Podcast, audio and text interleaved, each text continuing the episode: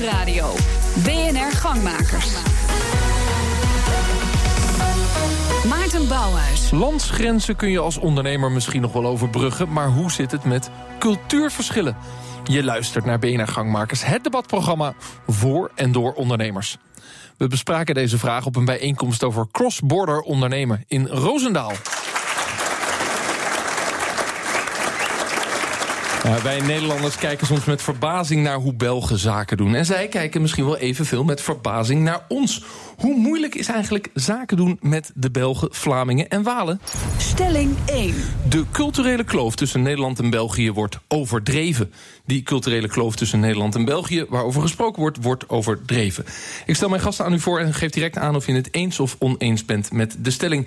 Jetske den Boer, uh, Serious Game, trainer. Oneens. Oneens met de stelling. Uh, Gorge Ober van Next Sales. Eens. Eens met de stelling. Uh, Henk de Jong, overname-expert. Eens. Eens met de stelling. Hans de Sutter, Head of Sales van TGW Groep. Oneens. Oneens met de stelling. Uh, Gorge, je bent het mee eens. Waarom, waarom wordt het overdreven?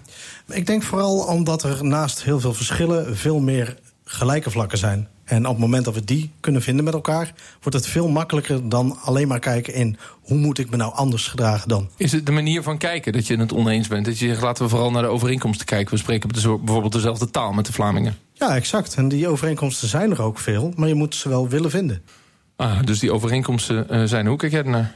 Ja, ik kijk er hetzelfde naar. En ik, uh, ik, ik hou het op, maar uh, uh, het gekke is dat in Nederland worden veel overnames in het land gedaan. Terwijl de verschillen tussen een bedrijf in Rotterdam... die een bedrijf overneemt in Twente is ook echt een gigantisch cultuurverschil. Dus ik zie niet in waarom nou tussen Nederland en België het nou groter zal zijn dan tussen Friese en, uh, en Limburgers en dat soort dingen. Dus ik denk dat is een soort. Ja, dus jij, jij zegt eigenlijk: ik hou me bezig met overnames. En als je een bedrijf uit Rotterdam een overname gaat doen in Twente, dan heb je ook cultuurverschillen. Klopt. En dus overdrijven we de cultuurverschillen tussen Nederland en België. Ja, ik vind het echt heel bizar dat, uh, dat omdat er een grens tussen ligt, dan opeens zeggen: ja, dan is het een stuk moeilijker dan, uh, dan een heel ander persoon in een ander deel van hetzelfde land. Of we onderschatten de binnenlandse cultuurverschillen. Doen we dat ook? Dat doen we ook, ja. Ja, zeker. Precies. Absoluut. dat, dat onderschatten. Nee, maar dus het is niet iets extra's. Het is niet, ik denk niet dat omdat de grenzen tussen ligt... het cultuurverschil opeens veel groter is en dat we dat onderschatten. Nee. Cultuurverschillen onderschatten. Jetske Boer, jij zegt uh, het wordt uh, niet overdreven. Het is een groot probleem. Nou, een groot probleem is wellicht uh, wat overschat. Maar uh, ik denk wel dat uh, de verschillen dat wel echt daar zijn. En dat je je moet voorbereiden voordat je een salesgesprek in België gaat doen. Dus, maar dat dien je in Nederland ook te doen. Ja, ik denk dat Gorge, want ik hoor Gorge dat hij het daar niet mee oneens is. Maar de vraag is een beetje, ja. maken we het een groter... of moeten we het een beetje kleiner maken in de aanpak... als we over de grens gaan ondernemen? Nou, ik jij denk zegt, dat, je maak het je niet te klein. Een, dat je je op een andere manier moet voorbereiden. Uh, je kunt niet zomaar uh, naar België gaan en denken dat je eenzelfde soort salesgesprek gaat voeren. Want uh, ja, er zijn andere normen en waarden. en je wilt niet direct mensen tegen het hoofd stoten. Ja, maar de stelling is de culturele kloof wordt overdreven. Jij zegt nee, dat, dat wordt hij niet. Dat suggereert dat jij nog steeds heel veel zakenmensen ziet... die wel gewoon de grens overrijden... en daar op dezelfde manier als ze in Nederland zaken doen, zaken willen doen. Dat denk ik wel. En uh, ik denk ook dat zij uh, ja, dan uh, tegen de lamp lopen en niet die opdracht binnenhalen. Terwijl ze waarschijnlijk wel een goed product verkopen, maar ze misschien niet de juiste snaar weten te raken bij de, bij de klant. Ja, Gorge, of past iedereen zich aan en overdrijven het dus niet, maar, maar ja, doen we het op de goede manier? Nou, ik denk dat beide kanten van de grens uh, zeer goede principes hebben om samen zaken te kunnen doen. Uh, dingen zoals een netwerk, dingen zoals een aanbeveling, maar ook zeker uh, het, het verkrijgen van gunning is iets wat in Nederland heel veel genoemd wordt, maar ook aan de andere kant van de grens zeer zeker een grote rol speelt. Het krijgen van gunning. Het verkrijgen van gunning. Ja, dus of iemand jou de deal gunt. Juist. Ja, en dat is eigenlijk in beide culturen best wel hetzelfde. Ja, eigenlijk wel. Er, uh, je kijkt in de, in de salestheorie zie je dat ook heel veel terugkomen. Dat goed account management, zoals het dan zo chic noemen, vooral ook staat met het opbouwen van een bepaalde band met een klant, een bepaalde vertrouwensrelatie. Van daaruit ontvangt men informatie over de case en kan men kijken of er een, een ja. brug kan worden geslagen. Ik begrijp de theorie en wat jij zegt, dat doen we in Nederland hetzelfde als in België. Dus, dus overdrijf zo'n cultuurverschil niet zo. Nee, het zijn vooral nuances. Nee, Hans de Sutter. Ik, uh, ik de enige een, Vlaming aan tafel. De enige Vlaming aan tafel, voilà. Ja. Ik zelf doe al een uh, vijftiental uh, jaar eigenlijk zaken in, uh, in beide landen. En ik zie wel degelijk vrij grote verschillen. En het gaat hem, zoals, zoals u zegt, het gaat over inleven. uh, inleven in, ja goed, uh, wie is de klant? Ja? Hoe kan ik met die klant tot een deal komen? Maar u moet ook begrijpen dat het, vind ik persoonlijk, voor een Nederlander is het moeilijker om in Vlaanderen zaken te doen dan voor een Belg om in Nederland uh, zaken te doen. Waar zit hem dat dan in? Er is een groot stuk wantrouwen in, in Vlaanderen ten opzichte van, van Nederlanders, vind ik persoonlijk. Maar hebben we dat in 1839 gecreëerd? Wat is er gebeurd? ik, ik, weet niet wanneer het gecreëerd is, ja, maar het is, het is, er nog altijd. Ja. Ik voel dat heel duidelijk. We hebben een gezegde in Vlaanderen. Het is misschien een beetje raar om het, nee, hier, te, om het hier, te, zeggen, maar uh, als een Nederlander jou niet in de zak gezet heeft, dan is hij het vergeten. Ja? dat wordt dan het gezegd in Vlaanderen. Dus vandaar ook, er is een uh, stuk wantrouwen van van de Vlaming ten opzichte van de Nederlander. En vandaar dat ik denk. Uh, maar wat, wat bepleit je eigenlijk als je naar de culturele verschillen kijkt? Dat Nederlanders zich veel meer verdiepen in die Vlaming. over hoe die dus naar die Nederlander kijkt. Dat hij hem dus eigenlijk wantrouwt. En dat die Nederlander dat moet leren begrijpen. en dat hij dan pas zaken kan doen? Ja, maar het is misschien ook, ja, hoe zou je het kunnen verwoorden? Is het een stuk jaloezie? Want ik vind persoonlijk dat Nederlanders eigenlijk uitstekende zakenmensen zijn. Ja? Dus uh, een Nederlander die is al lang veel langer dan wij geïnternationaliseerd. Die doen uh, zaken over de, over de grenzen heen al, al vele, vele jaren. Dus we zetten de Vlamingen, Vlamingen, in de zak, maar u vindt dat eigenlijk wel prima? Uh, prima, nee, het is uiteraard niet prima. Maar, uh, we zijn er wel niet, goed in. Ik zeg niet dat het zo is. Maar het idee is er wel. Ja? Nou, ik denk dat dat idee er echt leeft bij Vlamingen. Ik denk dat het idee dat leeft, denk echt bij, uh, bij Vlamingen. Een soort uh, natuurlijk wantrouwen tegen de Nederlanders. Dat, uh, dat ja. merk ik wat, ook. Wat voor ervaringen heb jij nou, daarmee? Ik heb bij een, een, een groot concern een integratie tussen een Nederlandse en Belgische organisatie naar één organisatie gemaakt. Ja, Ahold Deleuze of wat? Unilever, ja, dichtbij. Precies, ja, okay. ja. maar niet die. en wat, ik, wat ik merkte is dat als je in, bijvoorbeeld in een, in een meeting zit... Uh, en je praat over de integratievraagstukken, dan ging ik altijd de dag daarna naar België toe. Want dan hoorde ik daar uh, de echte terugkoppeling. Uh, omdat ze zich voelen, ze voelen, Belgen voelen zich overschreeuwd. Die zeggen, ja, dus ik kan nog niet, het gebeurde vandaag bij de introductie. De Nederlanders kunnen hun mond niet houden. Dus je zit naar een vergadertafel te luisteren... waar uh, Nederlanders aan het woord zijn en uh, beleefd knikkende Belgen. en, en dan moet je eigenlijk de dag erna naartoe gaan om even echt te willen luisteren. En dat waarderen ze dan ook ja, heel Ik zie ook een hele hoop ondernemers hier tegenover mij in de zaal in Roosendaal knikken. Jongens, ik ben ook heel benieuwd naar, naar hoe jullie dat dan ervaren. Dus kom met je voorbeelden. De interruptiemicrofoon staat in het midden. Uh, voel je vrij om, om mee te doen. Uh, maar je zei, Henk, uh, ik vind niet dat het overdreven wordt. Nee, en je geeft nu een voorbeeld waarin je uh, met een samenwerking bezig was... en naar België reed om het eerlijke verhaal te vertellen. Die Nederlanders hadden het dus niet door. Nee, ik, zeg, ik zeg niet dat er geen cultuurverschillen zijn. Ik vind alleen dat het overdreven wordt. Want ik denk dat er overal cultuurverschillen zijn. Ik heb ook een integratie tussen een Twents bedrijf en een Rotterdams bedrijf. Nou, daar was echt de cultuurverschillen... waren net zo uitdagend als je met een, een Nederlander en een Belg dat uh, doet. Ja. En ik vind het echt heel raar dat er zitten heel veel bedrijven in de grensstreek... die heel succesvol zijn. Alleen die stap die over de grens die vijf kilometer verder weg ligt... ja, dat voelt dan heel erg. En dat, dat bedoel ik met waarom ik er... Uh, uh, ik vind dat het wordt overdreven. Ja, ze zijn er. Maar als je je ervan bewust bent en je doet er wat mee... dan kan je heel goed slagen. Oké, okay, Jitske den Boer. Uh, jij bent actief als Serious Games trainer. Je houdt je bezig met Serious Games. Dat is een enorm groeiende business. Bijvoorbeeld in callcenters en allerlei andere plekken... waar dat wordt ingezet ja. om medewerkers succesvoller te maken. Mm -hmm. Betekent dat je in de praktijk in projecten... veel met relatief jonge medewerkers werkt? Um, ja, Um, en mijn gekoppelde vraag daaraan is: is het voor hen anders? Zijn de cultuurverschillen tussen Vlamingen, van millennials en Nederlanders kleiner geworden. doordat we bijvoorbeeld collectief op dezelfde platformen zitten. wat uiteindelijk Amerikaanse systemen zijn? Waardoor we dus uiteindelijk geglobaliserend dichter bij elkaar komen? Uh, deels wel, denk ik. Uh, ik denk ook dat de taalbarrière daar een rol in speelt. Dat de jonge Vlamingen spreken allemaal heel goed Engels. Uh, we kunnen dat... gewoon Nederlands met ze praten? Of nou ja, wij ontwikkelen ook vaak games Nederlands en Franstalig. Ja. En dan is het natuurlijk altijd de vraag, hoe gaan we het uitvoeren? en ja, als je allemaal dezelfde taal kunt spreken... scheelt dat ook al een heleboel.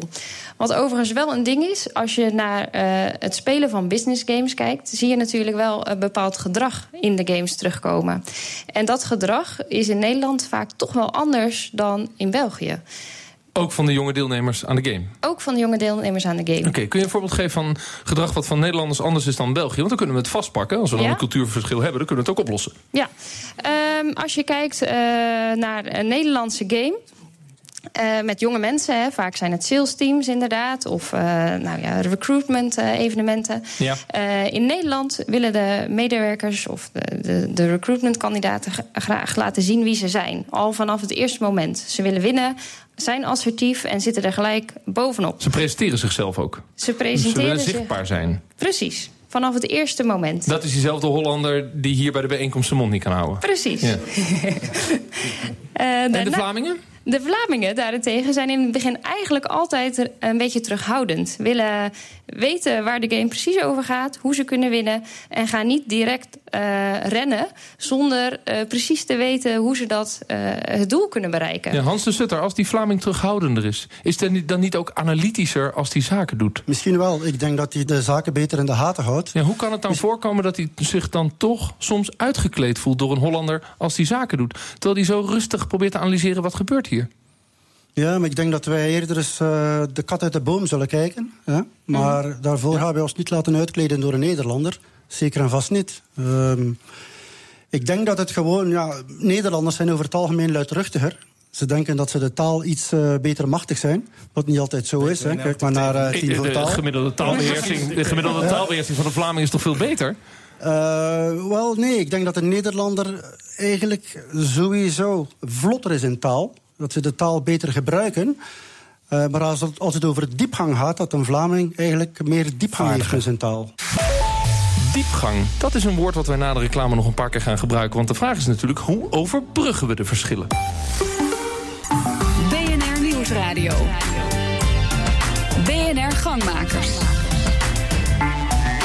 Mijn naam is Maarten Bouwers. Na de spoedcursus Cultuurverschillen tussen Nederlanders en Vlamingen... doken we op de vraag hoe overbrug je verschillen en vergroot je de kans op succes met zaken doen over de grens? Stelling 2. Het enige wat Nederlanders moeten doen is hun botheid overboord gooien. Ja, ja, het enige wat wij moeten doen, wij Hollanders, ik dus, is hun botheid overboord gooien. Ik stel mijn gasten heel graag aan u uh, voor. En jongens, geef direct aan of je het eens of oneens bent met de stelling. Jetske den Boer, Serious Games trainer.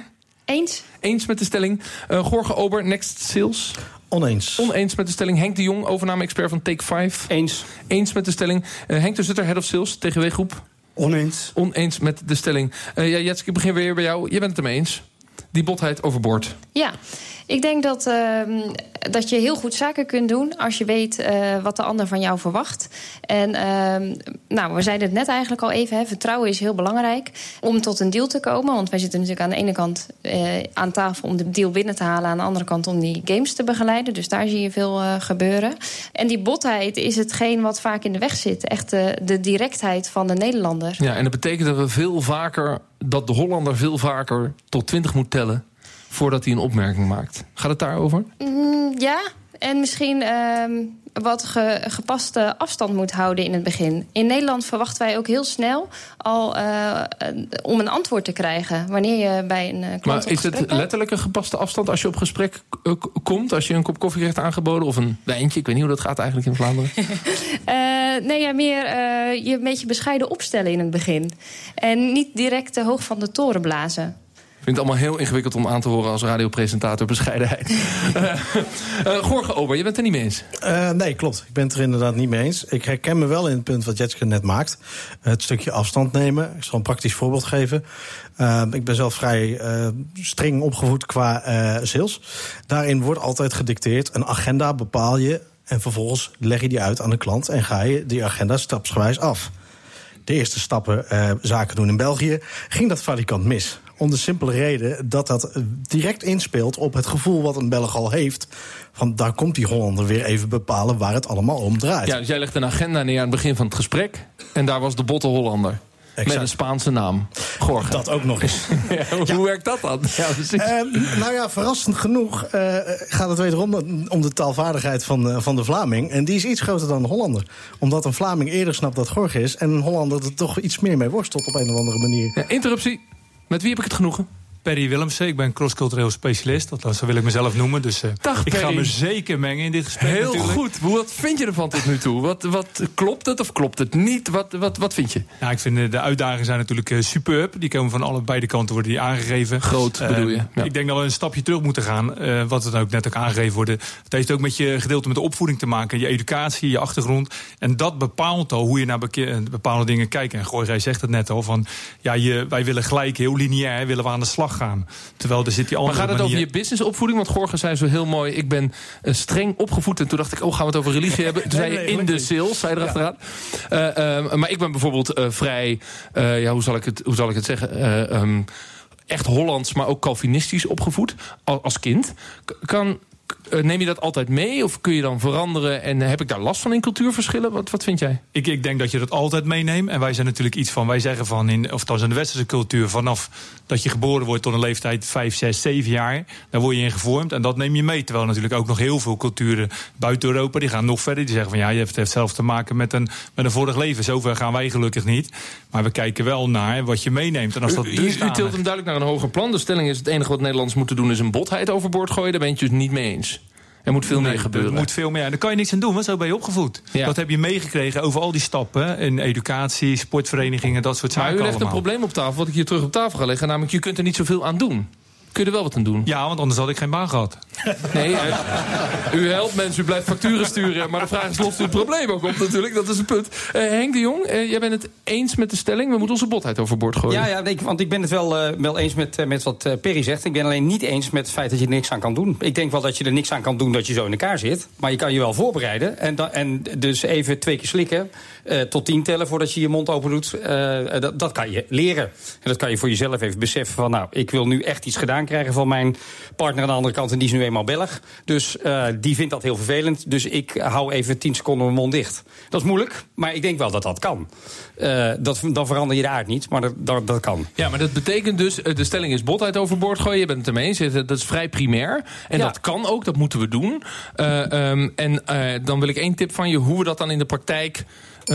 ik noemde het al tot 20 tellen. Eerst naar de interruptie, kom bij je terug. Met wie heb ik het genoegen? Eh, mijn naam is Lammertijn, Marta Lammertijn. Ik ben een eh, bedrijfsmentor. Ik eh, verken de Vlaamse markt voor onder andere Nederlanders. Ha. En ik zou zeggen, blijf gewoon jezelf. Oh, dus die gewoon- botheid moeten we meenemen in de koffer. Het zou wel zijn. Ik bedoel, blijf gewoon jezelf. De authenticiteit is belangrijk. En inderdaad, het klopt. De Vlamingen die hebben zo'n beetje het Calimero-effect. Je mag niet vergeten, sinds de Romeinen zijn we al overspoeld van vreemdelingen. En ik weeg mijn woorden. Vandaar dat wij zo achterdochtig zijn. Maar beste Hollanders, blijf alsjeblieft jezelf. We houden van jullie. en, en, en wij hebben jullie ook overspoeld als, als, als Calvinisten vroeger. Als remonstrant of als wat dan ook. Als protestanten hebben jullie ook eh, geprobeerd te overspoelen. Ik dacht niet dat het vandaag de tijd was om eh, les geschiedenis te geven. Ik zit ook te zoeken, te graven. Mijn geschiedenisleraar die is al boos je op me, die luistert. Ja, maar, dat was maar u zegt, eh, wees welkom, wees authentiek. En hoe gaat die eh, Belgische zakenman daar daarmee om... als ik die botheid dus niet uitzet? Als ik niet tot eh, tien tel of zelfs tot twintig tel... zoals hier aan tafel wordt gesuggereerd. Ja, wat ik, wat ik ben hier helemaal mee eens. Daarom was ik ook eens met de stelling. Ik denk namelijk, botheid is, de, is wel voor Belgen een van de grootste drempels bij de eerste eh, ontmoeting. Dus, eh, ik, nu ben ik de uitdrukking weer vergeten, die, eh, die Hans zei, eh, in, in de zak, eh, de zo zak vroeg- zetten, in de zak zetten. ja, in de zak zetten. Dus ik denk als je eh, die botheid even overwint en daarna vooral jezelf blijft. Want ik denk namelijk dat er ook heel veel overeenkomsten zijn. Bijvoorbeeld Nederlanders zijn polderaars. Hè? Wij zijn polderaars. Wij zoeken uiteindelijk ook naar de, de, de, de gezamenlijke oplossing. En dan als je dus de botheid loslaat en je gaat luisteren... want Belgen kunnen heel goed analyseren, luisteren veel beter... eh, dan kom je er altijd uit met de Belgen. Oké, botheid loslaten. Maar u zegt, die botheid mag ik toch een beetje meenemen. Wat dat mij betreft neem je hem mee, maar inderdaad, dus die authenticiteit is belangrijk. Want een Nederlander per definitie, los van de clichés, is een trader, die wil Ja, zaken absoluut. doen. Ja. En de Vlaming is een diplomaat, dus wij gaan bruggen bouwen. Nu, als die Nederlander doordramt, dan gaan we eventjes achterover, nemen we onze adem en gaan we ons niet laten doen en zeggen van, nou, eventjes hardop denken, wat bedoel je daarmee te zeggen? We zijn flinke jongens geworden in Vlaanderen, daar hoef je niet bang voor te zijn. Nee, ik, u kijkt mij ook streng aan. Ik ga even naar Hans de Sutter snel. Mijn, mijn andere Vlaming aan Nou, ik- tafel. Ik, ik kan, ik kan enigszins, enigszins begrijpen dat als u zaken doet in Vlaanderen en u gaat naar Antwerpen als Nederlander, dat het misschien nog lukt om die botheid wat mee te nemen. Maar als u Maar- naar West-Vlaanderen gaat, dan lukt dat in het geheel niet meer. Is, het echt, is de cultuurverschillen ik- ja, tussen Antwerpen absoluut. en West-Vlaanderen ook zo groot? Absoluut. Ik Kijk noem, eh, ik noem Perfect België soms eens een eh, geografisch eh, accident. Ja? Een geografisch ongeval. Ja? Omdat je Ja, ja. zoveel verschillende culturen op dat eh, lappendeken zitten hebt.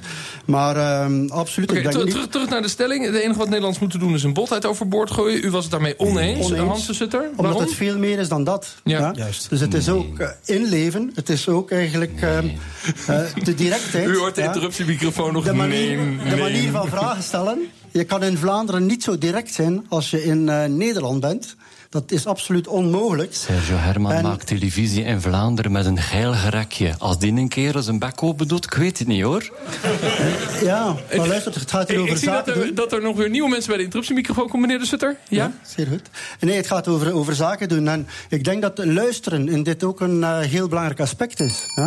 Ik luister naar de interruptiemicrofoon. Ja. Dank u wel. Met wie heb ik het genoegen? Diana van Bergijk, NLBE Business Support. En ik, ben het- bent u Hollander of Vlaming? ik ben Hollander. Oké, ja. Nederlandse. Wat u Ehm, ik ben het helemaal eens met meneer. Ik, Ja, zijn meneer naam heb ik niet. Ja, Ja. ja. Eh, ik denk dat je zeker stil moet staan bij, bij de achtergronden van beide eh, gesprekspartners. En Maar dat, je anders- suggereert, want in, in Nederland... Vind ik, dank u wel, mooi punt. Blijft u staan. Wij als Nederlanders krijgen altijd te horen... je moet je aanpassen aan cultuur, je moet je verdiepen in de cultuur. Dan gaan we in China zaken doen, gaan we in Vlaanderen. Duitsers zijn natuurlijk heel poenklieg.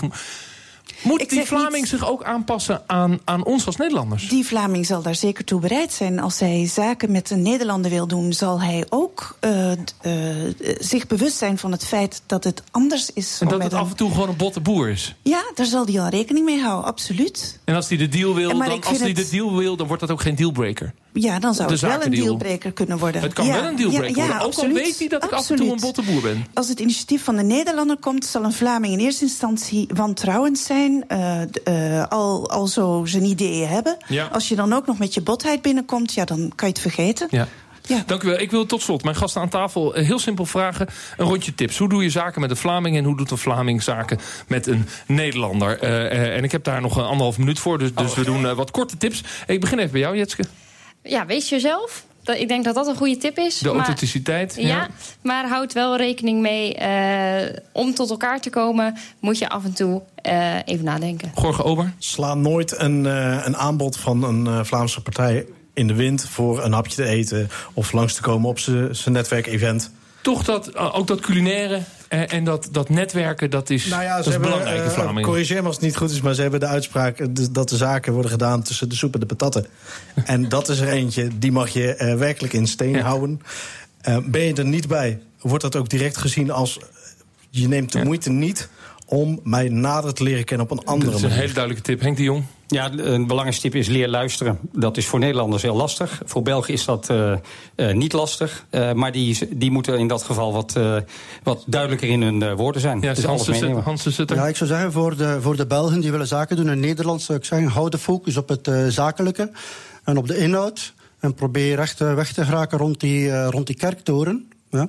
En voor de Nederlanders zou ik zeggen, bescheidenheid, leren luisteren. Bescheidenheid en leren luisteren. De interruptiemicrofoon met de laatste tip in deze uitzending. Mijn naam is Patrick Hebing van Heborg. Wij ondersteunen management in mijn team met eh, koude acquisitie. Ehm, ik denk dat slechte verkopers in Nederland wel een weerwoord krijgen van hun klanten. En in België krijg je dat weerwoord niet. En ehm, het is misschien een goede test voor je verkopers om ze naar België te sturen. Want daar leren ze van vragen stellen. Want ga je vragen stellen, komt er een gesprek. En als je dan duidelijk bent over je mening of je aanbieding... Stuur je Nederlandse salesmensen naar België, want dat Ja. is een mooie leerschool. Ja. Dank u wel. Ik dank al mijn gasten hier van de Zeeland Business en West-Brabant Business. De gasten en insprekers, dit was BNR Gangmakers alweer vanuit Roosendaal. Tot volgende week. Dag!